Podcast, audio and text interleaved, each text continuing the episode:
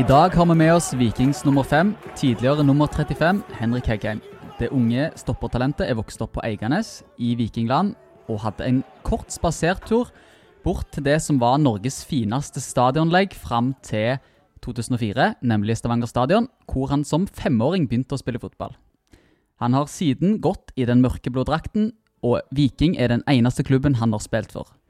Supporter har han vært så lenge han kan huske, og han sto på tribunen og jubla da Viking slo Ranheim og tok seg til cupfinalen i 2019.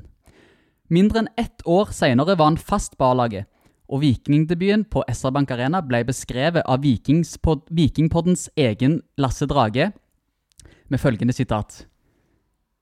Han ble kasta på dypt vann, og han kunne svømme, for å si det sånn.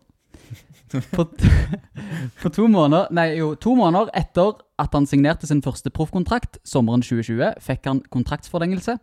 Og etter sesongen kåra Rogalands Avis eh, sine lesere ham til årets viking. Og han har kommet med på Tore Pang sin mest sexy vikingelver gjennom tidene, når Pang var gjest hos Vikingpodden i episode 20. Så da, Henrik Heggem, velkommen skal du være. Tusen takk for det. Veldig bra intro, eh, Torjer. Har du skrevet denne her helt uh, sjøl? Åh, Du stiller så vanskelige spørsmål, Aleksander. Uh, jeg har skrevet deler av den sjøl, og deler er tatt fra vikingfotball.no. Jeg vet ikke om du har lest noe av dette sjøl, for dette står om deg. En del av dette står om deg på Viking sin hjemmeside. Blant annet dette om mest sexy Tore Pang. Nei, jeg har ikke lest det. Det har jeg ikke. Nei, men det er mm, litt av en reise du har hatt i Viking det siste, det siste drøye året.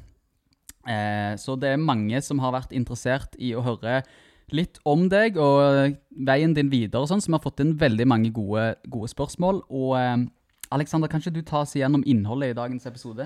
Jo, jeg er jo opptatt av eh, god eh, struktur, så jeg skal fortelle hvordan vi har valgt å strukturere denne episoden. Eh, godt pedagogisk grep og fortelle lytterne hva som skal skje. Eh, veldig kjekt at du er her, eh, Henrik. Vi skal snakke om mye gøy, og vi har delt dette inn i fire. For vi skal begynne med det som har skjedd først, kronologisk i ditt liv, og det er før du kom på A-laget. Så da har vi kalt det for Henrik som vikingfan og før debuten. Og så skal vi snakke om punkt to, tiden på A-laget. Punkt tre, litt om livet. Lars, du har kalt dette for livet sjæl. Jeg liker ikke så godt sånn der sjæl. Jeg klarer ikke å si det. Det er ikke på min dialekt, men Det ble som det ble. Ja. Eh, litt om livet i seg sjøl, altså. Og til slutt så er det jo noe som er ganske aktuelt når vi spiller inn denne episoden 6.7.2021, og det er veien videre for deg eh, i fotballkarrieren, Henrik. Høres det bra ut? Det høres veldig, veldig bra ut. Men du skal snike inn noe først her, Lars. Ja, jeg har eh, Når vi har, eh, vi har et på en måte fjerde medlem som heter Pål Jæger Jacobsen, og han pleier å ha fem kjappe fra Jæger, og det har han bidratt med i dag òg. og da tar vi det Du avgjør jo sjøl hvor kjappe de blir, da. Eh, først. Ronaldo eller Messi? Messi. Hvem er den eh, største fotballstjerna du kjenner? Skal vi si vet om Richard, da? Da blir han nok glad. Ja. Hvem eh, har de tørreste vitsene i Viking? Jeg tror det går til tredjekeeperen, Trym Sølberg Jur. Han har, eh, han har mye løye han sier, men det er mye tørt òg. Herlig. Mm. Um, hvis uh, Vålerenga skulle utvide Rolex-gjengen sin med én vikingspiller, hvem skulle det vært? Oh. Ja, nå spør du godt. Eh, Altså, kanskje mest sånn flash. Jeg vet jo om en vikingspiller som kjører Porsche. Jeg vet ikke hva han heter, men eh, nei, ikke jeg heller. Kjørte man. så Nei, skal vi si Da Det er Kevin Cabran på den, da. Kanskje. Han har litt eh, Louis Vuitton uh, Eller Sondre Aukland, faktisk. Det har han. Ja. Sondre Aukland han kjører Louis Vuitton eh, toalettmappe, og ja, han kler seg litt flashy på av og til, så han får den, han. Nice. Men det er mulig med to vikingspillere som kunne passet inn der, da. Ikke at vi vil at noen skal gå til Nei, nei. Vålerenga, da. Men både Cabran og Sondre? Nei, jeg kjører heller Sondre enn Cabran. Okay. For jeg sleit litt med å komme på noen. Så var det Da kjører vi Sondre. Ja, det er godt. Herlig. Um, kanskje vi skal den veien likevel nå på neste. Største dratetryne i Eliteserien. Du kan gjerne se flere. Ja, jeg kjører Kristoffer Welde på den, jeg. Oh. Uh, ja. Dere vet jo hvordan han oppfører, seg, så Ja, Har det vært noe mellom dere to? Ja, altså, jeg følte først Eller jo, når vi spilte mot Haugesund borte, eh, det var i, altså, i fjor, 2020, eh, da følte jeg jeg hadde i hvert fall relativt god kontroll på han. Eh, og da var han liksom Han ble litt irritert òg etter hvert, der. Så jeg klarte å fyre godt han opp. Så jeg kjører han på den. Herlig. Det var en liten eh, Skal vi bruke et sånt ord som beef på sidelinja der med Joe Bell og han i år, var det ikke det? Mm. Denne runden i eh, Eliteserien i år. Så eh, den er forståelig. Vi har en bonus her, og det er noe vi stilte spørsmål til folk utenfor stadion i en video vi lagde i forbindelse med første hjemmekampen eh, mot Stabæk. Første hjemmekamp med mye publikum på tribunen. Helt riktig. Og da eh, stilte vi spørsmålet Austbø som spiss eller Veton i mål? Da tar jeg Veton i mål, altså. Veton i mål. Uten tvil. Ja. Kanskje ha Austbø eller Iven på topp. Det går ikke. Nei. Er han med å spille ute på treninger og sånn, eller er de, er de Nei, det skjer veldig sjelden. Ok. Nei, men det er bra. Da har jeg eh, kommet gjennom eh, det jeg hadde. Ja, og da kan vi jo begynne på første del av disse fire punktene som vi skal gå gjennom i denne episoden. Og det er Henrik som Viking-fan og før debuten på A-laget. Men før vi går dit, kan jeg bare spørre eh, Lars. Hvis det begynner å regne veldig nå, for nå spiller vi inn med døra åpen, eh, tror du at vi skal lukke døra da, eller tror du det går greit? Ja, Hvis det ikke regner mer enn dette, så tror jeg det går fint. For det kom noe voldsomt pøsvær liksom bare i noen sekunder. Men, eh, Men da får lytterne den gode sommerfølelsen av eh, plaskregn i ørene som bakgrunnslyd, så det tipper jeg går fint. OK, da kjører vi det sånn. Skal vi Ja. kjøre videre, da? Rune Dahl Fitjar lurer på på Twitter. Hvorfor er det så mange gode fotballspillere fra Eiganes, og ikke minst fra bydelens beste vestkant, nemlig Sandal? Eh, vanskelig å si. Nå er ikke jeg fra Sandal. Eh, Du er ikke det? nei, jeg er fra Eiganes Eiganes. Ja, Det er det beste nabolaget i Stavanger. Helt riktig. Så jeg vet ikke, men eh, det kan ha gjerne noe med at eh, de fleste som er fra Eiganes, starter jo gjerne karrieren sin i Viking. Eh, og i hvert fall jeg hadde gjerne fra 10-11-årsalderen ganske Altså, da kommer jo de profesjonelle trenerne. Og det tror jeg gjerne har en sammenheng med at folk Altså når folk starter allerede så tidlig Det er jo gjerne noen som mener at du ikke skal det, men i hvert fall for min del tror jeg at jeg dro nytte av at du starta tidlig med profesjonelle trenere, og liksom det begynte å være mer systematisk fra tidlig alder. At jeg og gjerne andre òg har dratt fordel av det. Jeg er ikke så god på den eh, liksom Eiganes, eh, eh, greiene der. Men er det noen gode stoppere fra Sandal, da? Eller forsvarsspillere? Jeg er litt usikker på hvor Sandal kommer inn i bildet. De som bor i Sandal, de spiller vel på Vidar? Det er ofte Vidar, ja. Ja. Sondre Auklend er jo fra Sandal. Ja, ikke sant? Ja. Sondre Bjørs. Og Bjør Soløy. Ja. Riktig. Så da Men, har vi én, i hvert fall. Og så kan man jo omskolere Aukland da, til å bli back. Så Det Ja. tror jeg ikke, altså. Men ja, du sier at det kom inn profesjonelle trenere allerede fra 10-11-12-årsalderen. Da går jeg ut ifra at du var et ungt talent som tidlig kom opp på de beste lagene. Ja, eller vi var på en måte gjerne en gruppe på Vi var vel sånn 15 spillere, så hadde ja, gjerne litt oftere treninger, og med bedre, bedre trenere enn de liksom gjerne foreldretrenerne. Eh, så det vil jeg si at jeg har dratt nytte av. Og så hadde du jo de beste fasilitetene på Vestbanen. Helt riktig. Den, var, den ble dårlig etter hvert, men eh, nå har de skifta kunstgress der, så det er bra. Men den er nostalgisk og ligger med Norges fineste barneskole, Egenes barneskole. Ja, det òg. ja, Som det- ikke var så fin når vi gikk der. Nei, men nå har den òg tatt et steg opp. Hvis du syns den har blitt nydelig nå, så jeg vet ikke om jeg er helt enig i det. Den er Men den, var, den er penere nå enn den var. Det skal dere ha. Dere er pene gutter fra Egenes.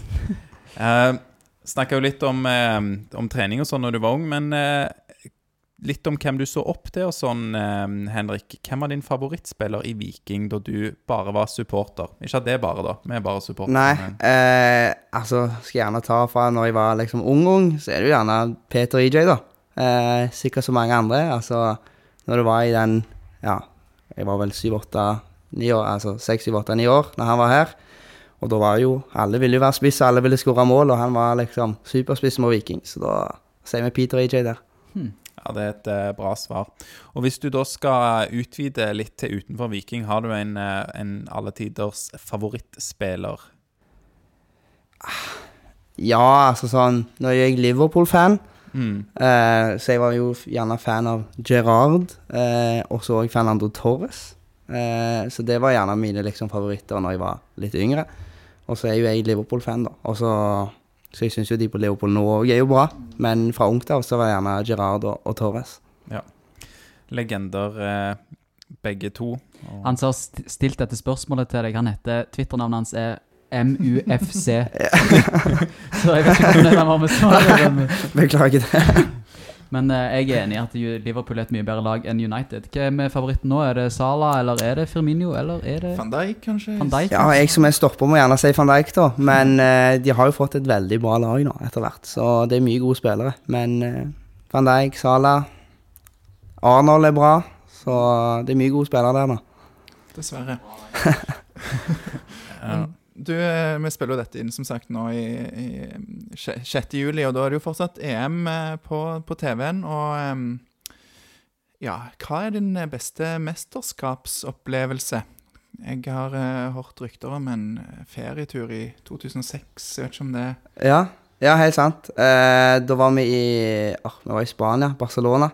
Eh, da var det meg og pappa som heide på Italia den gangen. Eh, det kom altså i, Heide på Italia i Spania det var liksom ikke så godt likt, men eh, vi heide i hvert fall på de. Så ja, det Satt dere ute sånn på en pub, eller? Ja, vi gjorde det. Eller pub og pub, men uh, vi satt i hvert fall ute og så kampen, så den, den husker jeg godt.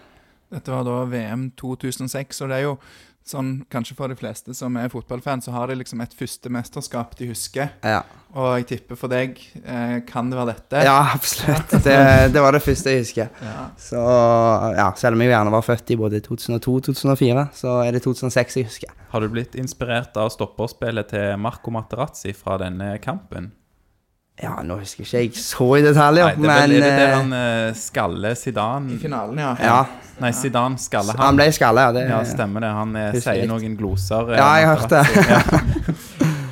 Nei, det, det er Ikke, bra. ikke plukk opp de tipsene, i alle fall ikke når du er Det er, vikingspiller. det er jo Nei. alltid bra å få motstanderen til å få rødt kort. ja, det er ikke noe galt i det. Det vet jo Iven alt om. Ja.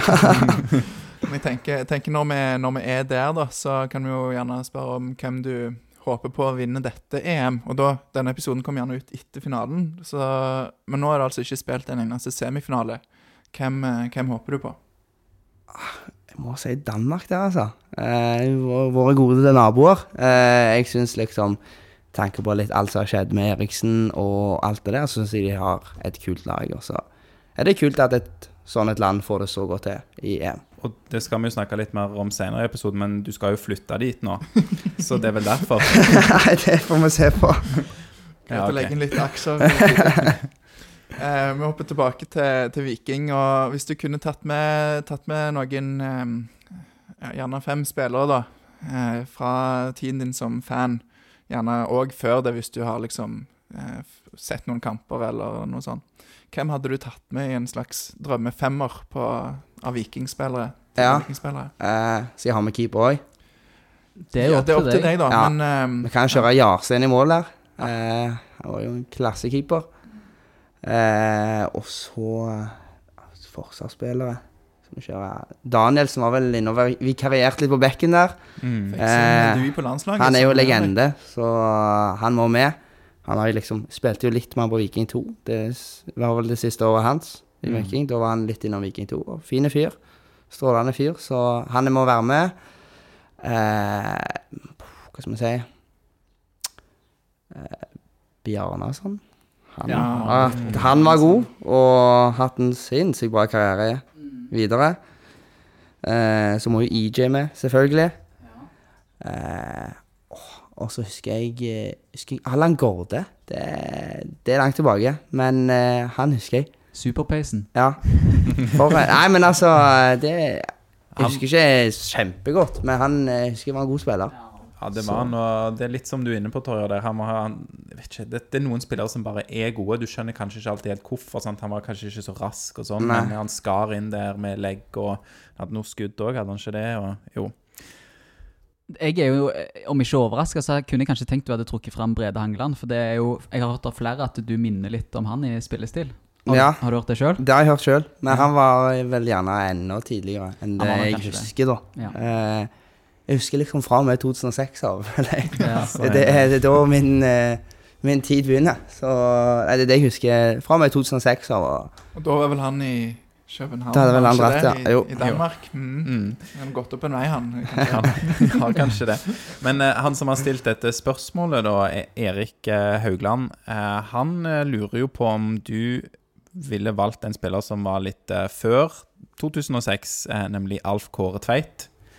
Kjenner du til Alf Kåre Tveit? Ja, Jeg har hørt om han, ja. Ja. Men eh, jeg har ikke så mye mer å si om, om han enn det. Det er Nei, gøy at Alf Kåre Tveit dukker opp i de to siste episodene vi har med gjester. ja. For du er ikke alene, for Jonny Furdal kjente heller ikke til Alf Kåre Tveit. Jeg vet jo hvem det er, og har hørt Ja. om han. Men du har hørt eh, om feiringen, regner jeg med. ja. Ja, kan, kan du være så snill, hvis du skårer et mål før du stikker, kan du feire med figeren?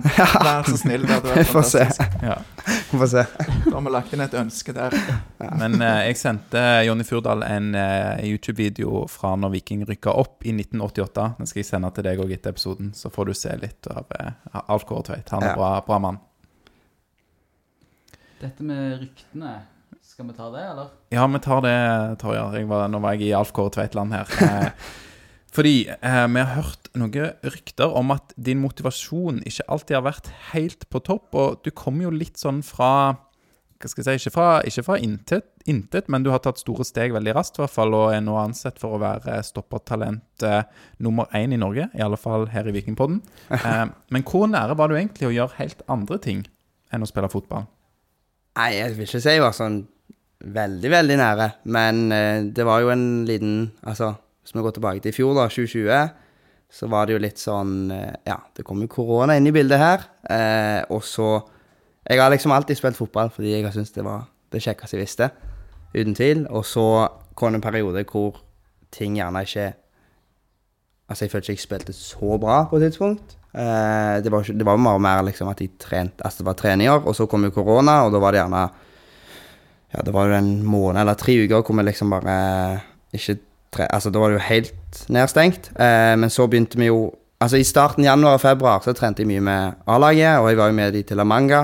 Så skulle jeg egentlig vært med til Marbella, men så var jeg skada, så jeg ble ikke med der. Eh, og så kom jo liksom korona oppi det hele, og så Det som skjedde, var egentlig bare det at når jeg da kom tilbake igjen, så var det litt sånn sånn Gjerne at jeg ikke hadde den der samme helt gleden eh, en liten periode.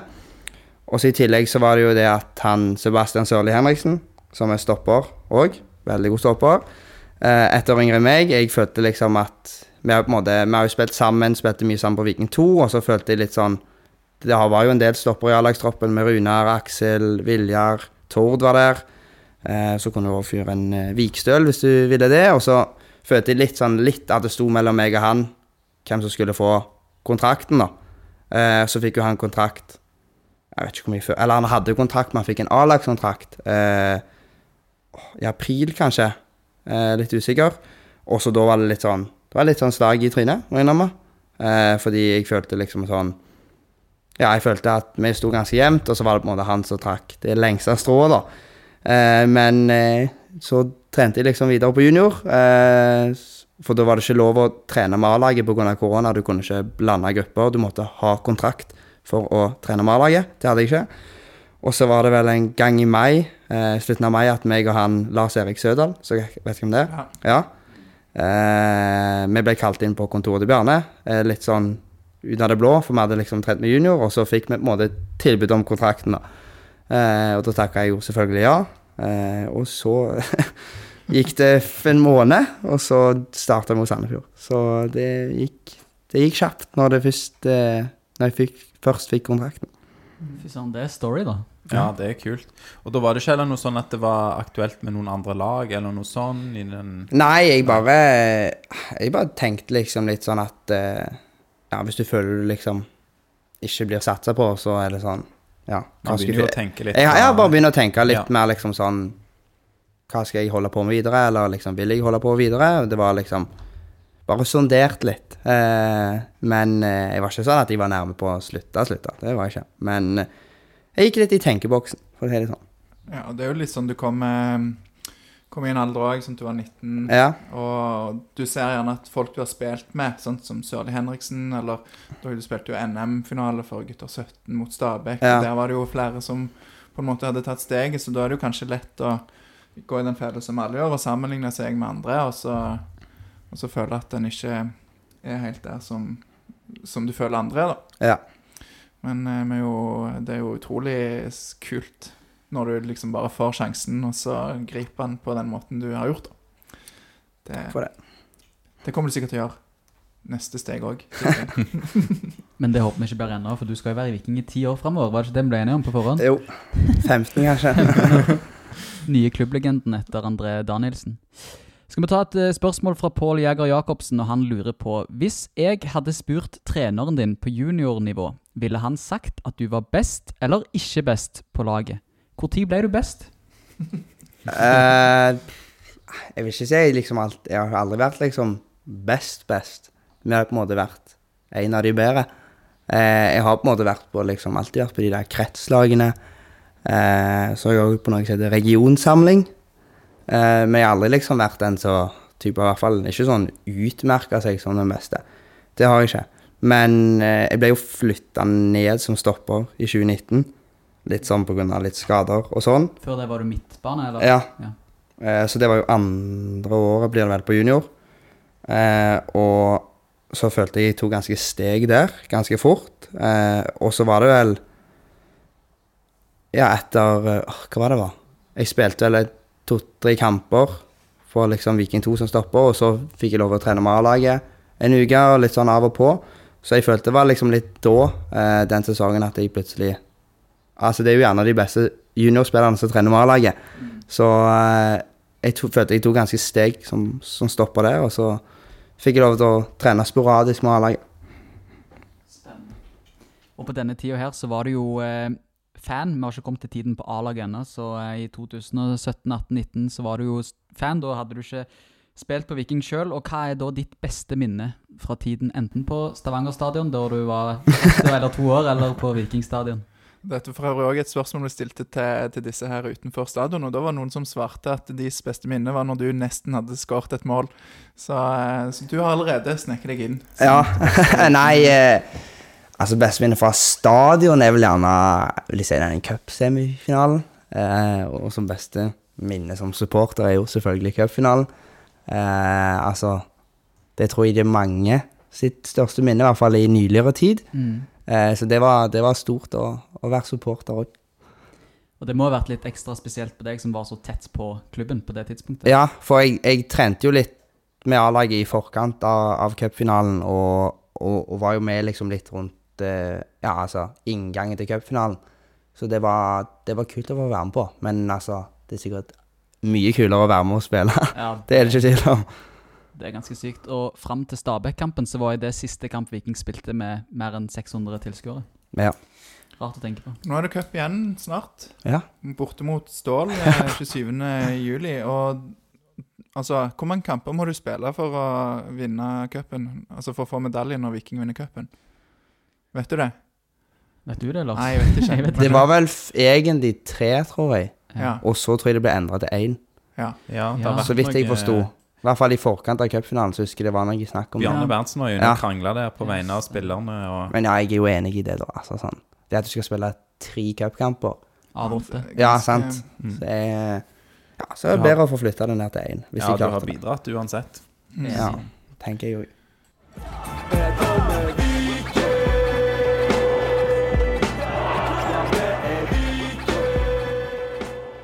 Ok, da kan vi jo gå videre til neste segment i denne podkasten. Da har vi vært igjennom din tid som Viking-fan. Og nå skal vi gå videre til din tid som Viking-spiller, altså tiden din på A-laget. Og første spørsmål er ifra Vetle Eltervåg på Instagram, og han lurer på hva Heikheim mener er den største forskjellen på A-lagsfotball og juniorfotball. Eh, gjerne det åpenbare er jo gjerne altså, tempo og, og fysikken. Eh, er jo gjerne den største forskjellen, sånn, mest, i hvert fall mest åpenbare. Men òg vil jeg si på sånn der typ sånn defensiv struktur og alt det der. Hvis du ser liksom juniorkamper, så blir det jo Ja, jeg så Viking junior vant 9-3, for eksempel. De resultatene ser du jo forhåpentligvis ikke i Eliteserien, sant? Så det er på en måte mer et sånn ja, det er mer fokus på liksom sånn struktur og liksom Det er ikke like mye Ja, det er jo barnefotball er liksom, og ungdomsfotball er jo liksom litt mer kaos, og alle skal fram og litt sånn, mens det er mer taktisk, da, eh, med voksenfotball. Du snakker òg om, om, fysikk, og du fikk jo ganske mye oppmerksomhet på kroppen din etter en serierunde i år, husker jeg, eh, fra Eurosport. Husker du det sjøl? Nei. Nei, de, de, mente at du hadde, du hadde vokst Jo, etter Lillestrøm, ja. Ja, Da, da ble jeg spurt om det. Så Herlig, herlig spørsmål å, å, få. Nei, jeg visste ikke helt hva jeg skulle svare. Det, Jeg elsket svaret ditt. Du var bare sånn casual. Ja. ja, jeg var bare enig. ja, det er sikkert noe du har jobba bevisst med, for um, og det er jo ikke så naturlig heller, det. Du um, Nei, jeg uh, måtte bli litt uh, større og sterkere. For ikke at jeg, jeg har fortsatt en del å gå på der, men at det i hvert fall kommet seg litt fra jeg debuterte. du har jo ble jo liksom kasta inn i det der å, å være på A-laget, og det er litt spesielt kanskje med koronaen òg, men, men, hva er liksom Er det noe som har overraska deg med hverdagen som proffspiller? Nei, altså, du har mer fritid enn det du skulle trodd. Eh, det må jeg innrømme. Eh, altså sånn, vi trener jo gjerne Nå vil det kvart på ni, og så er du gjerne ferdig i halv ett-tida, så det er ikke lange dagene. Eh, så selvfølgelig har vi dager hvor det er dobbelttreninger, eh, men når vi spiller så mye kamper, så er det ikke så mye av det. Men eh, det er gjerne Det var jeg litt overraska over, at eh, det er mye fritid. Altså, da kommer du på, på stadion kvart på Kvart på ni, ja, cirka. Kvart på ni, og så er det trening, og, eller? Og, ja, trening, eller frokost, så trening, og så lunsj. Og så kan du gå hjem, eller så kan du gjøre noe styrke, eller så kan du få behandling hvis du har vondt noen plasser. Men ja. Jeg tenkte liksom, i hvert fall fra ungt av, at det gjerne var sånn Ja, du holdt på gjerne fra ni til tre, da, tenkte jeg. Men mm. eh, det varierer jo òg litt fra hva stadiet det er i sesongen. Sånn i preseason så var det mye mer av det. Da, da var det vel to-tre dager i uka. Eller tre-fire, faktisk. Hvor vi gjerne hadde ni til tre. Så ja. det varierer litt. Så du jobber faktisk mer i preseason enn under sesong? Du er flere Ja, eller liksom sånn, det er på en måte mer treninger. Eh, det er mer liksom styrketrening. Vi hadde litt grann løpetrening, så liksom sånn Det er da du skal liksom bygge grunnlaget. Ja, du har, du har jo òg eh, selvfølgelig litt sånn ukant arbeidstid, gjerne i helger. ja, det, folk, det, må du jo regne med, da. Når folk har fri. Ja. Eh, så du ofrer jo litt eh, der òg, og vi kommer mer inn på det med ofra ting, da. Men um, men du sier du har mye fritid, og da bare ble jeg litt nysgjerrig. Hva fyller du den fritida med? Eh, nå har vi jo levd under sånn restriksjoner i, i hele år, eh, men nå har det i hvert fall letta litt opp. Eh, men det går mye avslapping og serier, og ja, det er mye serier. Eh, det er det. Så prøv å fylle litt dagene. Nå hadde jo jeg, eller nå har jeg tenkt å begynne å studere nå til høsten, så da får jeg i hvert fall fylt dagene med litt mer. Ja. Mm. Og hva er det Henrik Heikheim skal bli utenom fotballspiller? Nå skal jeg i hvert fall starte med en bachelor i økonomi og administrasjon. Så får vi ta det videre derfra etterpå. Yes. Um, vi hadde fått eh, spørsmål fra Geir Johnsen om dette med, med når du ble forsvarsspiller og sånn, men det har vi dekka. Uh, så uh, da hopper vi over det, men bra spørsmål fra Geir. Eh, så har det kommet inn et spørsmål fra Knut eh, Husdal, og dette gjelder jo da Sandefjordkampen i 2020, eh, som hadde en debut fra start. Knut Husdal han spør hvilke mentale prosesser gikk du gjennom fra du fikk høre at du skulle starte, til fløyta gikk? Uh, jeg vet ikke hvor mye liksom, mentale prosesser jeg gikk gjennom, men uh, altså sånn jeg ikke så veldig, blir ikke så veldig nervøs av meg. Eh, det har jeg aldri blitt, liksom. Men eh, selvfølgelig, jeg var jo veldig spent altså hele altså kvelden før, på morgenen. Men igjen, du må prøve i hvert fall å se det på litt som sånn at du har gjort dette mange ganger før, men selvfølgelig så er det jo en helt annen situasjon. Eh, da var det jo 200 den gangen, men liksom sånn Ja, 200 er du debuterer for barndomsklubben din. Altså, det var jo en veldig stor greie, men eh, du må prøve å liksom legge det litt fra deg. Eh, så hadde jeg god liksom, liksom Lagkameratene liksom backa deg bra opp. Så for de fleste Alle, alle har jo vært gjennom det sjøl, da. Så det var godt å ha de liksom i, i ryggen. For når fikk du vite at du skulle starte? Eh, det var vel Det var vel dagen før. Uh, men jeg så liksom litt antydninger av det på mandagen. For jeg husker vi spilte vel bort mot Vålerenga på lørdag. Uh, altså lørdagen før. Og så var det kom hjem på søndag, og så var det trening mandag. Og så har vi liksom sånn ja, Vi hadde liksom litt uh, Vi spilte possession, som det kalles, i sånn struktur. Og da liksom var det litt tydelig å se at det så ut som du allerede var inne i, i startelveren, men jeg var liksom ikke helt sikker. Jeg var litt sånn Jeg hadde ikke fått den bekreftende beskjeden. Men det var tirsdagen, altså dagen før, jeg fikk eh, beskjeden om at du skulle starte. Det må være et kick. Ja, det var det. Det er gøy. Og da, ja, da starta du på stopperplass eh, der, og du har jo eh, en del eh, gode stopperkolleger i eh, Viking. Men Nils eh, Glomsaker, han heter at Glomsaker på Twitter, han lurer på hvilken midtstopper utenfor Viking er den beste i Eliteserien? Og jeg vet ikke om han vil fram til et eller annet spesifikt her. Han har skrevet at han håper det ikke er for lett å gjennomskue bakgrunnen for spørsmålet. Er Nils en stopper sjøl i Eliteserien, eller? Eller om han tenker at kanskje Viking må på jakt etter hvert. Nei, altså Vet du noe om det, Henrik? Nei, jeg vet ikke. Men, da kan du få eh, lov å svare på spørsmålet, ja. Ja, Ja. eh, jeg har sans for han der Marius Lode i, i Bodø-Glimt. Eh, han sliter jo en del med Eller i hvert fall var skada nå, eller litt småskada, vet jeg, i det siste. Men han har jeg ja, veldig sansen for. Mm. Han skulle vi jo ideelt sett hatt til Viking, men han er jo fra Bryne, og det er jo noe med at de jærbuene vil jo ikke spille for Viking.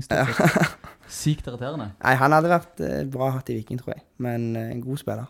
Han, det kan jo komme seinere. Så tror jeg òg, eh, hvis Viking bare ligger på et stabilt høyt nivå, så tror jeg ikke det er vanskelig å lukke de eh, nå rykker Bryne opp til Eliteserien sjøl, så jeg vet ikke om de er så tapte gira. 4-1 mot eh, Raufoss i Ah, ja. går. Ja, det, Jeg følger litt sånn sporadisk med på Obos-ligaen. Ja. eh, jeg tror ikke det går veien for de, altså. De er noen hakk bak de beste der eh, i eh, Mye dårligere enn Viking, i hvert fall. Bra, Det er det ingen tvil om. bra oppsummert. Mik Mikkel Kvinnesland han lurer på hva type er du når det er lagfest? Eh, nå har vi bare hatt en lagfest. Eh, det var etter Haugesund-kampen i 2020 i fjor. Så det er en god stund siden. Men eh, jeg vil si at jeg er en som lager god stemning, da. Eh, den gangen så var jeg gjerne litt eh, Hva skal jeg si Jeg var jo litt, fortsatt litt ny i gruppa, selv om det gjerne var femte kampen min etter femte. Men eh, jeg følte jeg lagde Jeg lager god stemning. Jeg er god på fest. Nice. Er du DJ òg, eller? Nei, det er jeg ikke. Hvem er DJ på Vikingfest? Oh. Jeg ser for meg noen syke rap-beats fra Symer Betichi der. Ja, han var ikke på den festen, så okay. Så jeg vet ikke, men uh, mye Stian Reffig, materialforvalteren, styrer en del av musikken. Ja. Men det er mye rock derfra, så er rock. folk er ikke så fornøyde. Men i garderoben så er det mye eh, Samuel, eh, Sebulonsen som gjør en del musikk, så de har bra musikksmak. Nice. Så lurer denne Pål, han er vår fjerde medlem her i Vikingpodden, han lurer på hva kamp eh, du har spilt for A-laget som du husker best? Oh, eh. Debuten er vel vanskelig å komme utenom, da. Det var 2-0 hjemme mot Sandefjord, var det Ja. det? Ja. Den er vanskelig å komme utenom, men òg eh, Husker når de Felt 2 var tilbake. ja. Første kampen, da mot Molde. Molde Den vant 3-2 der. 30. august eller noe Ja, sånt i fjor. Den, var, um, den syns jeg var liksom Da fikk jeg bare gåsehud når vi liksom gikk inn, da. Så den husker jeg ganske godt. det, det er gøy. Og så syns jeg òg at jeg kan legge til den siste året nå mot Stabæk, liksom, med, med litt mer venner og folk på tribunen. Var, Mm. Det var kjekt. Men vi skulle jo ha vunnet, så det ødela litt av opplevelsen. Så det er kanskje òg litt, eh, litt spesielt den eh, første hjemmekampen mot Brann, der du ble den første spilleren vi intervjua etter kamp. Ja, den eh, glemmer jeg ikke. Men husker du liksom, husker du alle kampene? Eller Ja, Ja. men eh, Ja, det vil jeg si. Men det er jo noen kamper jeg husker mer enn andre, Mm. og så skiller seg mer ut. Hva er den verste kampen, da? Odd borte i fjor. Ja, kanskje. Men òg slå på borte i Sandefjord i- borte i år. ja. Så For da følte du deg liksom så Lost. lost og hjelpeløs at eh, Ja.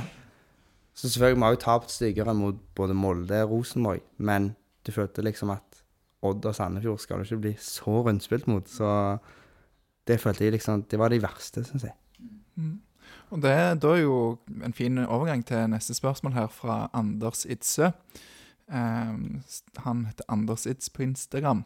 Og han lurer på hva er hovedgrunnen til at Viking er enda svakere defensivt denne sesongen sammenlignet med i fjor. For på papiret er det jo nok kvaliteter i den bakre fireren. Ja, så Jeg vet ikke om det er én spesifikk grunn, men det er nok flere årsaker til det. Eh, så vi prøver jo å ta tak i det, og vi har jo lyst til å holde nullen snart, spesielt jeg som er bak der. Men eh, er det jo òg litt at det er jo kamper Altså, nå har vi dårlig målforskjell, men det er også, det er et par enkeltkamper som det skyldes òg, da. Men eh, det at vi ikke klarer å holde nullen, tror jeg er dumt i lengden, i hvert fall. Og fordi, altså, sånn Hvis du på en måte Vi skårer jo nesten alltid mål, sant? Alltid, egentlig. Så hvis du på en måte klarer å lukke igjen bak, så vet vi at det kommer mål, og da vinner vi mer kamper.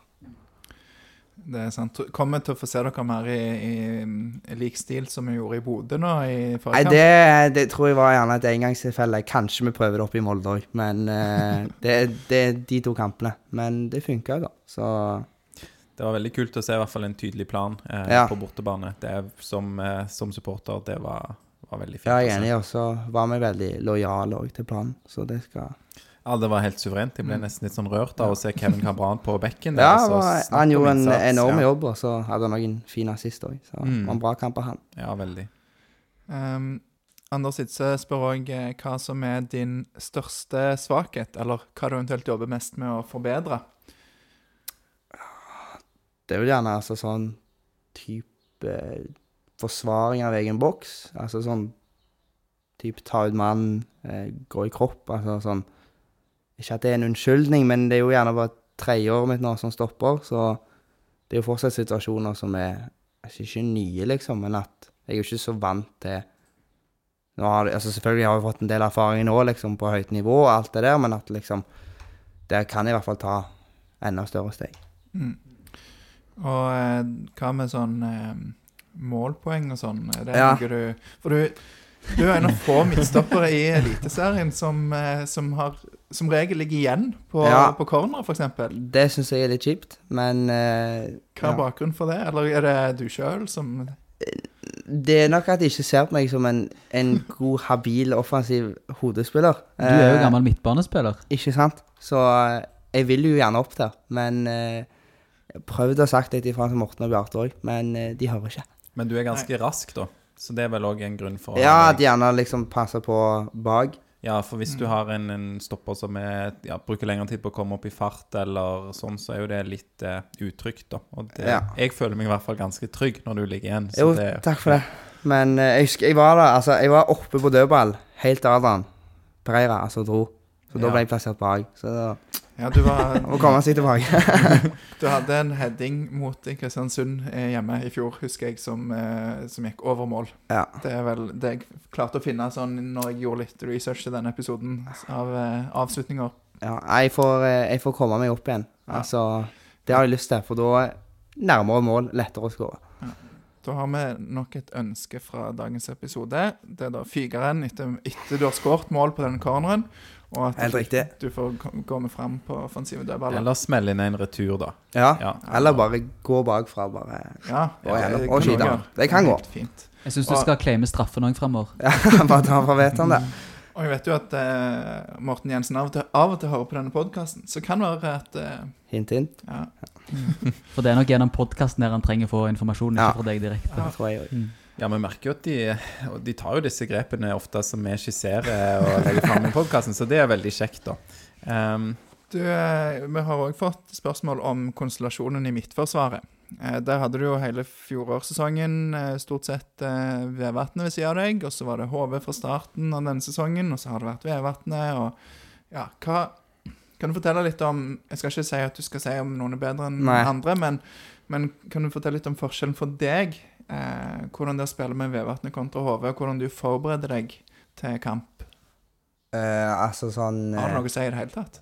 Nei. Ikke på offensiv dødball, i hvert fall. Nei, dessverre. Men nei, det har egentlig ikke så sånn For min del så påvirker det meg i hvert fall ikke sånn i forberedelser og sånn, men de har jo på en måte sine kvaliteter, da, begge to, og hvor gjerne Runar er Du vet jo hvor dominant han er liksom i, i luften. Uh, Viljar òg er veldig bra i luften, men han er veldig Ja, han får jo en tå på alt, han, vet du. Eh, så de har jo liksom litt forskjellige ferdigheter, men eh, jeg prioriterer ikke noen over den andre. Det gjør jeg ikke. nei, så det er ikke sånn at din rolle heller endrer seg litt, altså sånn med om du skal opp i hodedueller, sånne ting. Er det Nei, det? faller egentlig bare naturlig i kampen. Altså, Mm. kommer han altså sånn Nå er jo gjerne, som jeg sier, Runar er jo gjerne Han er i hvert fall bedre enn meg i luften. Så det hender jo ofte at han òg liksom Hvis det kommer en ball litt, som litt midt på mellom oss, så er det gjerne han som tar steget fram og vinner duellen. Ja. Så Faller naturlig. ja. Det høres bra ut at man kan lese hverandre og kjenne hverandre sine styrker. Um, og nå spurte vi jo deg, eh, Henrik, hva eh, du jobber mest med å forbedre. Men hva vil du si er din største styrke som fotballspiller? Det er det Asbjørg eh, Stråtveit, Asbjørg1992 på Instagram, som lurer på. Ja, altså, jeg føler jo at jeg er en midtstopper som er god med ball. Eh, liksom, som gammel midtbanespiller så er du gjerne vant med å ha ball i beina. Eh, ja, jeg føler jeg har decent fart nå, etter hvert. Eh, ja, det er egentlig mine Eller ikke at det er min største styrke, det er det ikke, men at jeg liksom Jeg holder følge med, med mange, så det er greit.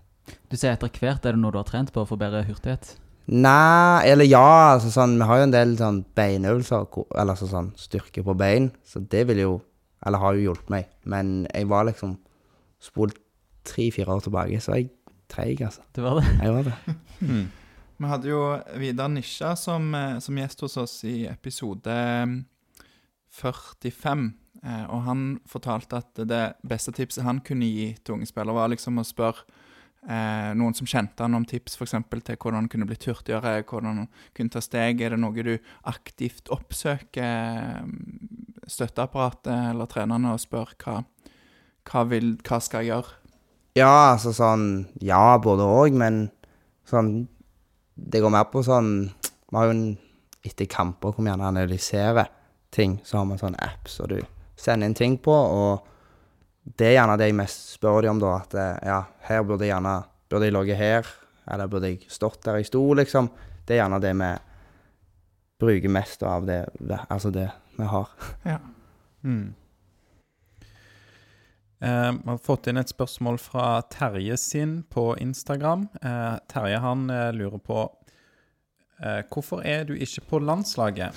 For de kunne trengt en som eh, Eller han sier ja, hvorfor er ikke du på landslaget? Som trenger en som kan forsvar. Det er Terje sin ord. Han mener du er Norges beste fotball... eh, Nei, forsvarsspiller. Nei, det var nå litt i overkant, vil jeg si. Men eh, jeg håper jo i hvert fall komme der en dag. Nå er du på U21 nå, Jeg er på U21 nå, ja. Gratulerer med det. Jo, takk for det. Det er bra, men det, ja, det er jo noe å strekke seg etter, da, av landslaget. Så ja. Jeg eh, håper òg at vi får se deg på landslaget en, eh, en dag. Så får vi se om Terje da får rett, egentlig, som har konkludert allerede. Vi trenger absolutt noen eh, gode stoppere. Så da er det jo um, bare for meg å spørre deg om hvordan det var um, Nei, det trenger jeg ikke å spørre om, for det har du allerede svart på hvordan det var å stille opp for Vikingpodden. Men det jeg kan spørre om, er hvordan er det generelt å stille opp for pressen? Og har du fått medietrening etter at du slo igjennom? Jeg har ikke fått medietrening. Det har vi ikke. Eh, så du blir liksom egentlig litt sånn kasta i det. Det er ingen dialog om at hvis de stiller de og de spørsmålene, så bør du unngå å svare det og det. Nei, du blir liksom litt, eh, litt kasta ut i det. Eh, og så dra Altså, du blir jo på en måte bedre og bedre hver gang. Eh, eller hvor mer du gjør det, da, hvor mer naturlig blir det òg å snakke foran folk og presse og alt det der. Men jeg har ikke noe imot det. Eh, jeg syns det går helt fint. Men du har jo liksom Jeg er jo gjerne ikke den spilleren som blir mest intervjua. Det er jo gjerne liksom Slatko og Veton og de der, så Og det lever jeg helt fint med. Men vil du liksom eh, være en som svarer litt gøy, eller syns du det er liksom greit å bare svare vi tar én kamp om gangen? Og... Ja, altså, jeg, jeg ser hva du mener. Det er gjerne noen som byr mer på seg sjøl eh, enn andre, men jeg bare svarer på det jeg blir spurt om. Jeg. Nei, det vi får ta litt, kan, vi kan ta litt medietrening. Ja. Komme, Komme her, eh, hver uke. Men jeg vil jo si det er veldig mange av de som vi snakker med, og deg sjøl inkludert, som er veldig flinke. Og jeg eh, forventa ikke at du skulle svare nei på det spørsmålet, for jeg syns eh, mange leverer veldig bra, så det må jeg si. Så kudos til, til deg og dere. Takk for det. Egentlig bra at det ikke blir så mye medietrening, for da blir det fort i den der forma som svarer med floskler og sånt. Politikersvar. Ja. Ja. Ehm, Vi har, har noen spørsmål om, eh, om spillere du har spilt med og mot. Og da lurer jeg på først, hvem er, hvem er den beste du har spilt med? Nå har du både spilt på Viking junior, og du har spilt på U21. Ja. Og sikkert andre landslag, eller? Jeg, eh, jeg har ingen offisielle kamper. Nei. Eh, jeg har vært på én G19-samling, eh, og så har det vært sånn fire avlyste U21-samlinger. Ja. Og så var jeg på U21, men nå var jeg skada. Eh, eller jeg hadde litt problemer med legget, men jeg var der borte. Halve, eller to tredjedeler av samlingen. Men jeg har ikke liksom fått trent noe med U21. Men eh, så er det litt sånn beste medspiller blir jo gjerne en av de som er på laget vårt nå. Eh, og der har vi jo mye gode spillere. Men eh, det er vel gjerne Veton og Slatko da, som er de beste. Det, når du står med ni mål på elleve kamper òg, så, så snakker jo det litt for seg sjøl. Ja.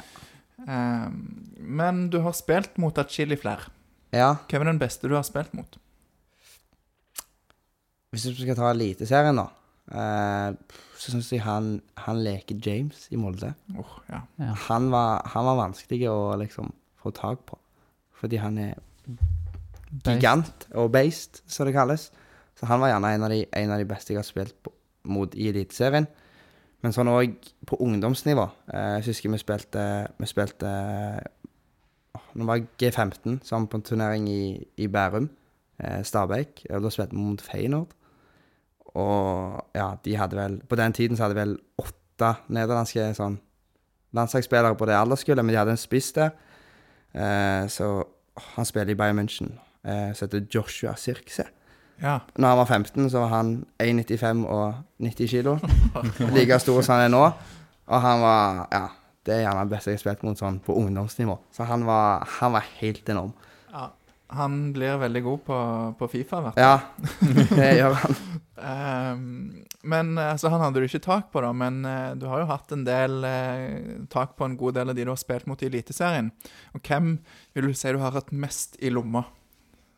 Eh, Det er så mange velger mellom. At. nei, det, jeg følte jeg hadde god kontroll på en Bamba eh, når vi spilte hjemme mot Brann her eh, i, i 2020. For da hadde han vært liksom litt sånn Hadde vært litt god i forkant og skåret litt mål. Så han følte jeg hadde god kontroll på. Så kan vi slenge inn Kristoffer Welle òg. Ja, det er bra. Det er bra. Er det noe mer dere vil spørre om eh, ja, tiden på A-lag? Altså, vi kommer jo litt tilbake til relaterte ting, spesielt når vi går på den eh, fjerde bolken her, eh, veien videre. Men eh,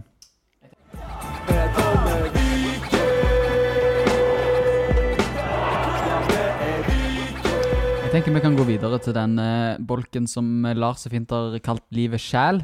Og da har vi fått inn spørsmål Nei, du kan begynne du, Aleksander, med jeg begynner, og jeg, jeg omdøper denne til Sjølve livet, et eller annet som funker på stavangersk. Eh, da er det Young Flacco Deve. Han heter Flack, Flacco Deve. Vet du hvem det er, eller? Ja, det, er bra. eh, Jeg liker reaksjonen din foreløpig. Så uh, Flacco Deve på Twitter, han lurer på Hvordan klarte du å være russ på fulltid samtidig som du spilte i Eliteserien? ja, hva skal jeg si? Eh, Det er ikke helt sant, men jeg, eh, jeg fikk jo litt tid til litt russetid før jeg debuterte. Det gjorde jeg. Så, men det var, det var en kjekk tid, det òg. Ja. Det var litt sånn amputert, var det ikke det? Egentlig ikke. Nei. Eh, f- altså Dere var jo russ hele sommeren, dere. Ja, det, det varte ganske lenge, faktisk. Eh, det varte jo nesten Nå var ikke jeg med på Jeg var med på gjerne halvparten. Men eh, ja. Det var jo en, det var den tiden jeg trente med junior. Eh, da var det en del frihelger. Eh, av korona, det var ikke noen kamper. Så Så det Da var jeg, jeg fikk være litt russ òg. Det gjorde jeg. Og hadde du russebuss? Vi hadde van. Van, og den heter Skal jeg gå inn på Det er en lang historie, men den het The Boss Club. The Boss Club. ja. Ja. Det er en historie til dette. Ja, det må, du må gjerne Ja, den skal jeg brette ut om òg. Det er en løgnhistorie. Vi var på, vi var på i 2019, eh, så var vi på 18-årstur med guttene til Split. Eh, og så var det mm, to av guttene som var der. Eh, de, eh, de tok turen på en strippeklubb. Eh, de går inn, bestiller en drink. Eh, Hva heter de gutter? de går inn og bestiller en drink, eh, og så blir de eh, hva skal vi si, charga. Altså, Mhm. de trodde de betalte 200 kroner. De betalte 9000. Jeg føler det er sånn hver gang noen går inn på en strippeklubb. Og den strippeklubben heter The Boss Club, så det var liksom bare litt eh, ironi og litt selvironi i, i navnet. Som jeg syns det var løye med litt interne greier. Så høres det gjerne litt sånn eh, kleint ut utad med The Boss Club, men det er en løgnhistorie til det. Så dere er egentlig ydmyke? Ja. Ja. Produktplassering i Vikingpodden òg. Besøk til The Boss Club eh, Nei. Uff, sånn, sånn er kjipt, da. Skjønner i hvert fall får en god historie ut av de 9000. Ja, helt så sant. Det, ja. Det var en god historie. Bare for oppfølging eh, litt på det en snakker om. Nå fikk du jo litt uh, russetid likevel, da, men en som heter Petter Kindem, jeg vet ikke om du kjenner til han? Ja, Var han en i Boss Club? han var med i Boss Club. Ja. Han uh, lå på Det var òg han med Young Nei, det var han ikke. Glem det. Young Flaco Divo Nei, han var ikke med. Nei. Men han var med til Split. Ja. Det var greia. Så begge disse kan potensielt være noen av de som ble charga 9000? på- Nei, ikke de to. Nei, nei, ikke akkurat de. Eh, men hva er ting Altså det kjipeste du har måttet ofre? For du har vel måttet gi eh, slipp på en del, holdt på å si. Ja, altså sånn Det er jo åpenbart. Altså, vi, vi spilte jo gjerne mye kamper i helgene, og Ja. Det er jo altså gjerne når venner er ute på Ja, om det er fest eller ute på ting, så er det jo selvfølgelig ting du har det, Altså, det er jo ting jeg har gått glipp av. Det er det ikke tvil om. Men ja, liksom, jeg fikk jo med meg noen ting, og det er jo sånn Ikke det at jeg liksom var ute før kamp, absolutt ikke. Eh, det har jeg aldri gjort, men liksom sånn Nei, altså, du har jo gått glipp av mye, det er det ikke tvil om. Men eh, altså sånn, jeg har jo på en måte Jeg er jo en sosial person, liksom, så jeg har jo fått med meg ting og heng, og jeg har alltid vært liksom vært mye med venner. Men eh, du går jo glipp av en del ting, det er det ikke tvil om. Men det oppleves kanskje som det er verdt òg, da, med den Ja, du uten tvil. Det, Ja. det er det ikke tvil om. Så, og det er godt å høre, for det er jo ikke alle fotballtalenter som har eh, opplevd det sånn. Og de blir kanskje ikke så gode til slutt, da. De begynner som store talenter, så det er i hvert fall godt å høre. Eh, nevnte Petter Kindem. Han eh, lurer på om du kan gi lytterne våre noen investeringstips. Eh, Hvor skal de sette pengene sine, lytterne Nei, våre, det, det får du nesten spørre om Spør han om i retur. Jeg, jeg har ikke så mye tips der. Så det ligger ikke en historie bak dette? spørsmålet, Nei, jeg, altså. jeg vet ikke hvordan han kom på det. Så du Sparer du i fond, eller? Ja, det òg, men Ja. Har du mye penger i bitcoin? Nei, det har jeg Jeg skjønner meg ikke på det der. Nei. Uh, han uh, lurer òg på hva du kommer til å savne mest hvis du drar fra Stavanger. Det er Som- vel en del. Altså sånn Kommer til å savne liksom Gjerne venner, familie. eh, Men òg liksom lagkamerater. Er jo gjerne et savn. Eh, Men òg liksom Jeg trives jo veldig godt her, det er det ikke tvil om. Altså, jeg har det veldig bra her i, her i Viking, så det er liksom jeg har, en, jeg har det kjekt, veldig kjekt her, så gjerne hvis du drar en annen plass at det gjerne er mer ensomt, eller du gjerne ikke får Altså, det er jo òg kjekt å få kunne spille, da. Mm. Eh, det hjelper jo liksom på humøret. Mm. Jeg tror et godt tips der er å vente til liksom koronaen har sluppet helt taket, sånn at du slipper å måtte forholde deg til det. Ja. Jeg tror et sånn generelt tips fra Lars og Alexander og Torjer, oss tre i Vikingpodden, vi har alle prøvd å bo utenfor Stavanger, og det er litt sånn so-so, altså. Jeg bare Ja. sier det. Det er ikke helt eh, Finne meg en fin by, da. Ja. Men eh, denne Petter Kindem lurer òg på om du kan fortelle litt om tidene med TJ. Og hvem er TJ? En som heter Tor Jan eh, Kleiberg, eh, som var liksom første sånn profesjonelle treneren jeg hadde. Eh, han hadde begynt med vel når vi var ti. Hadde han vært vi var 10, 11, 12, 13. Eh, veldig fin mann, altså. Eh, men vi liksom Det som var bra, veldig bra med han, var at vi fikk et veldig tidlig fokus på at vi skulle være gode med ball, og bruke ballen, da. Eh, altså du hadde gjerne andre lag som gjerne slo litt mer langt, mens vi liksom Vi skulle spille da, ball for enhver pris. Eh, og det tror jeg har dratt fordel av liksom i seinere tid, at ja, han la gjerne grunnlaget for at du er god med ball, og du er vant til å ha ball i beina. Og sende en, en rose til denne TJ, syns jeg her, for det, det høres veldig, veldig flott ut. Så er det denne Pål, eh, medpodderen vår, som lurer på hvem du er i kompisgjengen. Er du den rolige? Er du klovnen, sjefen, regelrytteren etc.? Åh, det var et godt spørsmål. På fest Eh, er du jo den galne partylederen. Nei, altså sånn eh, vet ikke om jeg har noe spesifikt om meg, men liksom Jeg føler jeg er en god venn. Eh, altså, jeg, jeg er omtenksom og alt det der, men liksom jeg, jeg Jeg føler jeg lager litt liv. Jeg føler jeg er morsom. Altså Håper i hvert fall jeg er kjekk å være med. Det er bra. Det er godt uh, svar. Det er viktig å være en god venn. Og jeg kan jo si jeg føler meg som regelrytteren i mange av mine vennegjenger, og det er litt slitsomt. Så jeg vet ikke om jeg ville anbefalt den rollen. Så Hva er en regelrytter, Aleksander? det er sånn som vel påpeker hva som er Hva som er riktig? rett og galt. Og sånn som når du stabber Sebulonsen feil, så er jeg der med en gang liksom og sier at du må gjøre det riktig. og Det er sant. Men, så jeg håper ikke du er like pirkete som Aleksander. Nei, jeg er ikke det. Du er ikke redd for å si fra, i hvert fall du, Alexander, hvis det er noen som ikke Ja, trenger ikke å ta, ta mye om det, men, eh, men det er litt gøy for oss andre. Ja, Kan ta en sånn episode med bonuscontent av jeg som kjefter og smeller og retter på andre. Eh, men du, Henrik, eh, jeg pleier ofte å ha en sånn eh, bolk om navn og hva det betyr og hvor det kommer fra sånn. Ikke så veldig mye spennende på deg, det var mer på Sebastian Sebulonsen. Ja. Men det jeg fant ut om deg, var at eh, Henrik Vet du hva det betyr? Ikke husets hersker. Husets Ja. hersker. Jeg har hørt før. Du er jo eh, på en måte herskeren i Vikings eh, hus. du mener det? Eh, og, og Heggheim, det kommer fra Strand.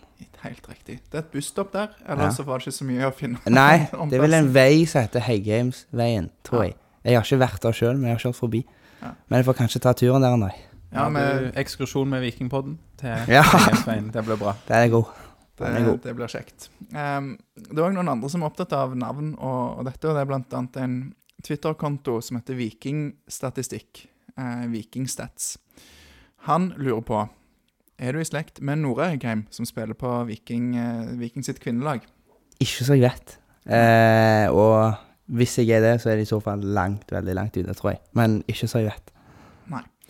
Um, hva med Halvard Bjørge følger opp eh, med å spørre om du er i slekt med Sivert Heggheim Mannsverk, som er et stort talent? Ja, han i Sogndal? Ja. Eh, det tror jeg heller ikke. Eh, og i så fall så må det være enda lenger ute, tror jeg.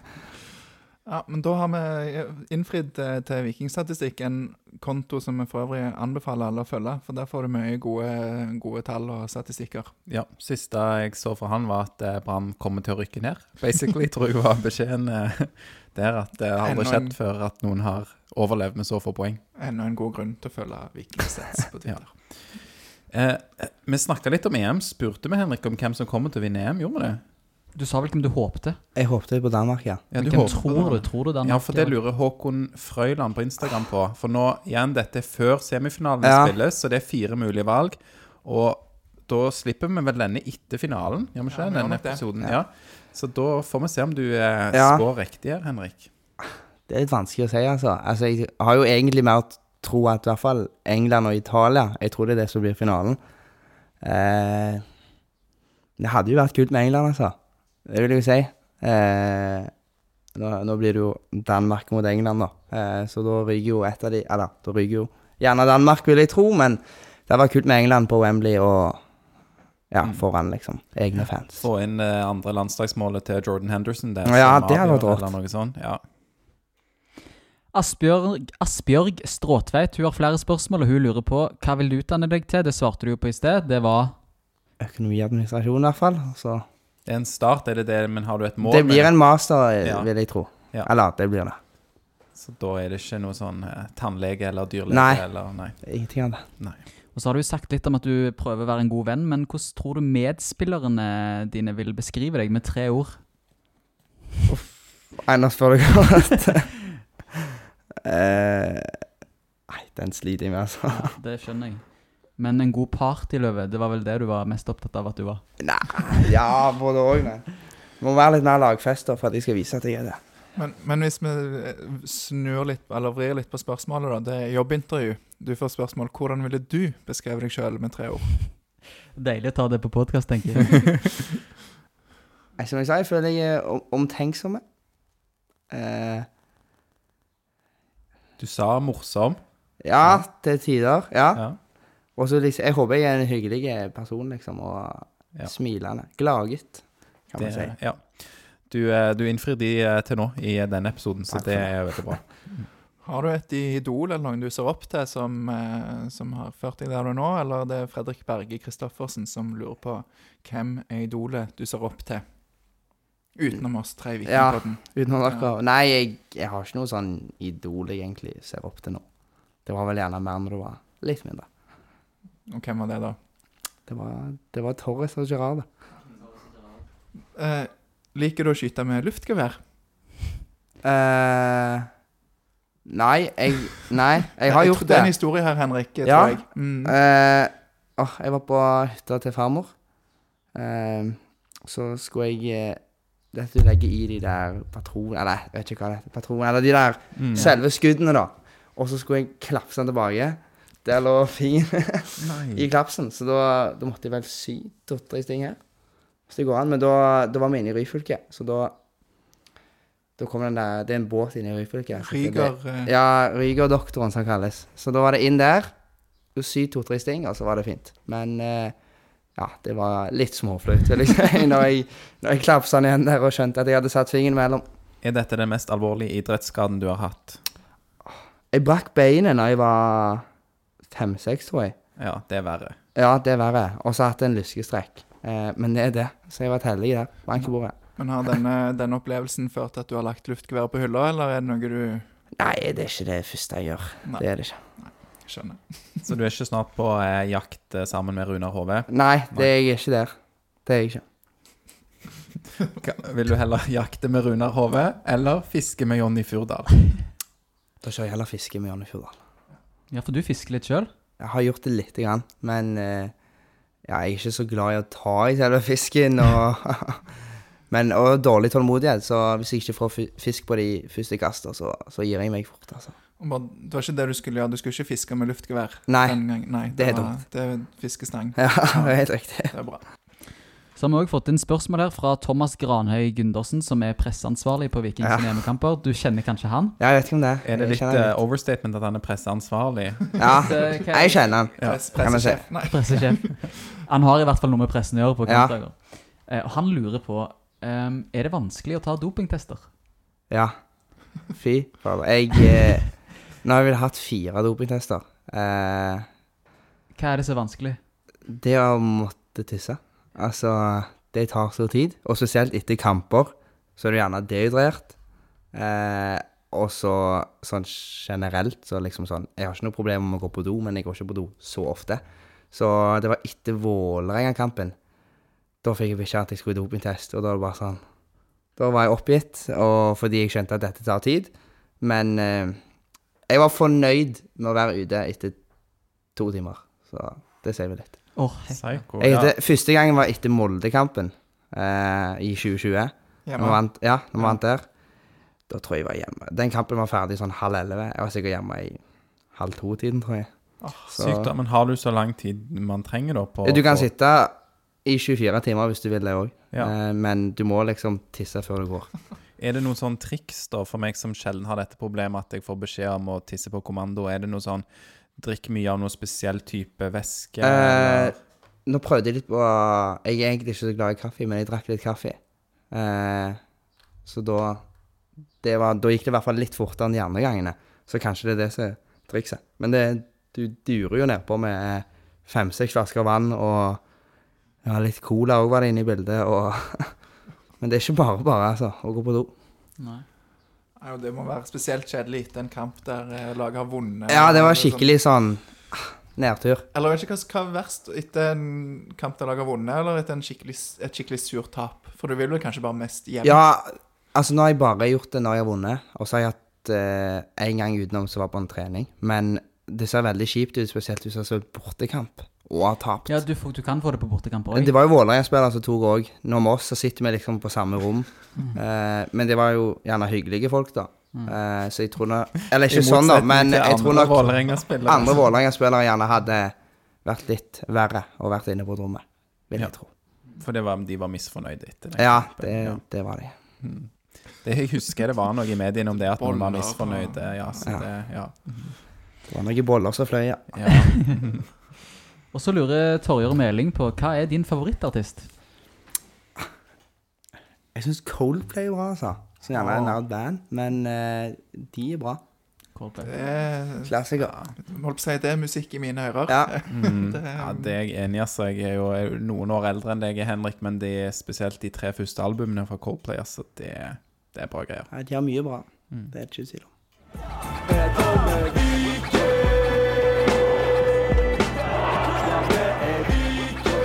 Gud, da har vi fått dekka bolken um, som heter Livet sjøl.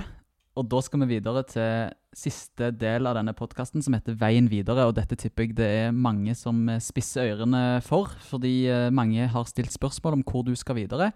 Ehm, og Alexander, kanskje du starter med å ta oss igjennom uh, første spørsmål her? Det kan jeg, vet du. Og um, jeg òg er jo interessert i dette her. Og jeg eh, sperra jo òg opp øynene i dag, eh, 6. juli, når jeg leste i Aftenbladet. Det var stor eh, på forsida deres. Bevegelse rundt Heggheim eller noe Ja. sånt. ja. Og for oss som følger både deg og klubben, da, så så vi at de, det var en hel artikkel om ingenting. Der hadde det ikke skjedd så mye. Men, eh, men kanskje du liker og siden det ikke skjer så mye, i hvert fall i Aftenbladet, karer, å repetere, gjør som Glenn Sirnes på Facebook foreslår, og signere en tiårskontrakt med Viking. Den har vi klar. Det er den Ja, klar. jeg må få den på bordet først, så skal jeg signere. Nei da, men eh, jeg har jo to og et halvt år igjen, da. I hvert fall. Så Ja. får vi se litt hva som skjer. Kan du, ehm, kan du garantere at når denne podkasten slippes eh, en eller annen gang et par dager etter EM-finalen, at du fortsatt er vikingspiller? Ja, det kan jeg nesten garantere. Ja, OK, det er godt. Det er Ja. Det er vi Det er vi glade for. Um, og litt apropos det. Uh, Transfermarkt, uh, mye brukt fotballnettsted, de uh, verdsetter deg til snaue fire millioner kroner. Men i Aftenbladet i dag så er det snakk om 20 millioner kroner eh, for å selge Henrik Heggheim til en eller annen klubb i utlandet, er jo det som snakkes om, da. Men hvor mye syns du at du er verd? Nei, jeg føler jo egentlig ikke at jeg har vært noen ting, men eh, det er noen store summer som skrives om. Jeg tror ikke akkurat det blir så mye. Eh, men det er jo altså Det er jo kjøperen, så Hvis det er en potensiell kjøper, så er det jo de som gjerne må jo by en sum, og så må jo Viking godkjenne det. Hvordan er det å liksom se navnet sitt sammen med 20 millioner? Nei, altså Det Ja. Litt kult, vil jeg si. det er lov å si, syns jeg. Ja. Mm, Men du vet jo litt hvordan dette er, Lars, fordi det var det ikke Auglend som prøvde å lokke deg med ti esker eh, rosiner og hvis du bytta skole som lærer? Jeg har ikke lov til å gå inn på noen detaljer rundt, eh, rundt forhandlinger som enten er pågående, eller som er avslutta. Ja. Jeg merker dette har du eh, god, god trening i å svare på, Lars. Ja, du, er, du har fått sånn mediekurs, det hører jeg. Det er sant. Men du Henrik, hvor vil du helst ende opp? Hva hadde vært din drømmeliga å spille i? Det er vel Premier League, det, da. Eh, gjerne den ligaen, i hvert fall folk i Norge, men også gjerne verden, følger mest med på. Eh, jeg følger mest med på han sjøl, og ja, det er vel gjerne den ligaen som syns det ser kulest ut å spille i.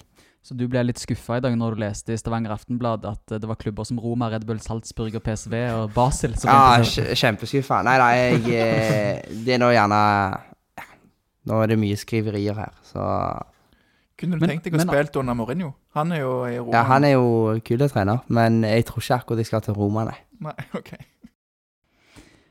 Um, Bare si Roma er også en veldig skitten by, altså. Ja, det er, Stavanger er så fint. Det er bare, ja. Mm. det er bra du eh, prøver å få han til å bli Stavanger, Aleksander. Joakim Oseberg lurer på Kommer du tilbake til Viking etter hvert hvis du drar til en utenlandsklubb? Det spørs jo. Eh, jeg vet jo ikke. Men eh, jeg skal, hvis jeg skal hjem til Norge og Hvis jeg drar ut og først skal hjem, så tar jeg ikke andre plasser enn Viking, nei. Det er fint. Det er godt. Det er jo for øvrig eh, et ønske til da, fra Vikingpodden at du, hvis du forlater klubben, at du kommer tilbake. Ja. Så nå har vi, har vi flere ønsker her. Vi det får lage et, et, et dokument der vi skriver ned disse. ja, skriv det inn i den kontrakten, den tiårskontrakten, Lars, hvis du mekker den. Ikke Ja. sant. Det går på det samme. Det er masse spørsmål om, om framtiden din, Henrik, eh, forståelig nok. Og er du veldig lysten til å reise til en større klubb fort? Er du villig til å bli viking en stund til? Eh, Det er Tor Helge Garborg og Vetle Dalva Revheim som lurer på dette her. For det er jo noe med det å Som en ung og god og stabil stopper, eh, så er det dumt om du reiser en plass og sitter rett på benken resten av karrieren.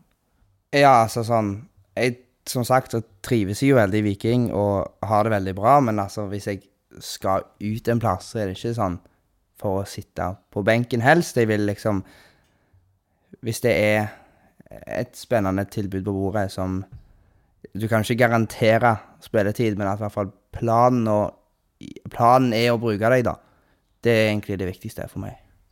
Ja, har du liksom pekt deg ut noen liga som er mest aktuelle i første omgang, eller er det Nei, altså, det Jeg har ikke tenkt sånn så langt, men liksom Du må gjerne finne et naturlig steg som er et steg opp, men ikke for mye heller.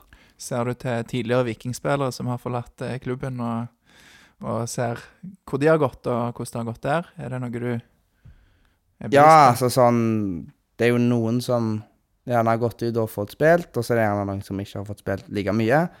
Og du Selvfølgelig så vil jo ta store steg med en gang du spiller, da.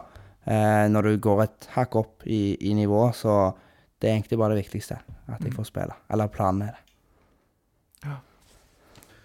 Yes, Som eh, Lars nevner her, så har det kommet inn eh, mange spørsmål om hvor eh, ferden kan gå videre for deg. Eh, og så har det òg kommet inn en del spørsmål om eh, ja, dette med agentvirksomhet, og hva din eh, agent eh, Jim Solbakken gjør. Og noen er jo litt sånn spissformulerte og litt eh, redde kanskje for at Hva skal jeg si? um, at At han skal selge deg. ja, rett og slett at du skal bli solgt for for lite penger, da, er nok det som lyser litt igjennom at folk er redde for. Så, så tenker jeg dette òg er litt sånn der svart hull for meg. Altså når man snakker om eh, fotballagenter, forhandlinger, den type ting, det er ikke noe jeg kjenner så veldig godt til. Så jeg begynner med et sånn litt sånn basic opplærende spørsmål her, Henrik. Hva gjør din agent for deg? Det er jo det at eh, hvis folk er interessert i meg, eh, så henvender de, henvender de seg til han eh, og, og spør rundt og sier han at de er interesserte eh, og alt det der. Og så er det jo noe han sier videre til meg, men han er ikke sånn som spruter ut liksom at de og de og de klubbene er interessert og alt det der, før det egentlig liksom Jeg vil altså sånn jeg vet ikke hvor bra det er for meg å høre at alle de klubbene, eller liksom de klubbene er interessert. Det er bedre å på en måte få vite når det er konkrete ting som faktisk kan skje. Eh, så når den tid kommer, eh, så vil jo jeg få beskjed om det etter hvert. Er det andre rundt deg som er in involvert i disse prosessene? Ja, pappa har en liten, eh, ja, liten finger med i spillet, så han òg får jo å snakke litt med Jim eh, av og til, så han òg får vite. Mm. Så det var nytt for deg med disse klubbene som eh, Aftenbladet la fram i dag som aktuelle? Det var, ikke, altså, det var helt nytt for deg? Jeg hadde vel gjerne hørt om én, kanskje, men det var en del nytt, ja. Mm. Gøy da å lese at Roma er gira. Men jobber han aktivt for å pitche deg inn til folk, eller sitter han mer som mottaker og mottar hvis folk er gira på å kjøpe Jeg tror det er mer som mottaker, altså. Det er det. Eh, hvordan velger man seg en uh, fotballagent? Mm, altså, det varierer jo gjerne fra person til person, men i mitt tilfelle så var det han som tok kontakt med meg. Mm. Eh, og ja, han er jo agenten til Veton òg, eh, så det var egentlig liksom han jeg snakket med om han. Eh, og så var det egentlig bare at han eh, Ja, han bor jo på Gausel. Så han inviterte meg til han, og så hadde vi en fin samtale, og så ja, var papp, meg og pappa, eller pappa var involvert i det, og så ble vi enige om at vi valgte han. Mm. Det er jo eh, mange, følger jeg, i eh, ja, Vikingfans og andre som, eh, som er glad i fotball og, og denne klubben vår, som har mange meninger om både Jim og andre. Men jeg syns jo det er hyggelig i hvert fall at det finnes gode lokale agenter som Ja, på en måte kan dette. Så, så det syns jeg er bra. Jeg husker jo eh, Jim fra han vel spilte litt i SIF òg. men eh, kan du si noe om eh, prosessene du og Jim har gående nå? Du har jo sagt litt om at du ja, kanskje ikke vet så mye, men Nei, for å være ærlig så eh, vet jeg egentlig ikke så sykt mye. Eh, Jeg har jo selvfølgelig hørt litt, eh, men det er egentlig ikke så mye nytt akkurat nå. Men du vet noen ting som du sikkert ikke har lyst til å dele med oss, er det sånn? Ja, noe, men eh, det er fordi det er liksom Det er på en måte Det er ikke noe seriøst i det. Det var bare gjerne Ja. noe som jeg fikk litt informasjon om. Eh, og det er jo ikke vits å gå rundt og spre sånne ting før det Nei, faktisk så- kan skje noe. Så det laget fra Qatar, det blir ikke noe av? Nei. liksom. Vi tar det når, når mikrofonen er skrudd av, kanskje. Ja. Eh, Men, men Henrik, hvis det da skjer noe litt sånn det er gøy, eller det er noe utvikling her, kanskje du gir Vikingpodden en liten heads up, sånn at vi kan være liksom tidlig ute med litt Dere er breaking først, ja. Ja. Er ikke det litt Vi får se. Det, vi lever litt på det, og vi er jo en ganske ung podkast og holdt Ja. på i litt over et år. Så det hadde nok gitt oss sikkert tolv nye følgere, liksom. Så det hadde vært nice. Ja, Vi får se når den tid kommer. Du kan få ei T-skjorte av oss. Ja. men, eh, men du eh, Det var jo liksom snakk om at du kunne gått allerede før denne sesongen, men at da valgte du sjøl å ikke gå og sånn. Ja. Men eh, kjenner du deg klar for å ta neste steget? Ja, både òg. Altså, sånn, det blir jo Hvis det skjer, så er det jo en veldig liksom ny tilværelse. Eh, uten tvil. Så Men det må bare føles rett. Og da var vi inne på, litt inne på dette med ambisjoner og sånn. Asbjørg Stråtveit har stilt flere spørsmål, og et av de er dette mm, spørsmålet her. Hva er dine ambisjoner sportslig? Er det Liverpool som er målet? Ja, så sånn Van Dijk. eh, Ja, ja det er klisjé å si, men eh, Ja, jeg sa jo at jeg hadde lyst til å gjerne komme meg til, om ikke Premier League, men gjerne en av de topp fem store, sånn som mange andre. Eh, og så gjerne òg komme meg på A-landslaget. Det er fine mål. Ok, Henrik. Eh, tusen takk for at du var med oss en drøy time. Eh, veldig kjekt for oss. Og så håper vi at du blir i Viking i ti år til, sånn som vi avtalte før podkasten ble spilt inn at du skulle. Yes. Eh, så takk for det, og så skal du få signere en eh, vikingdrakt. Um, og da tenker jeg vi sier én, to, tre Heia Viking!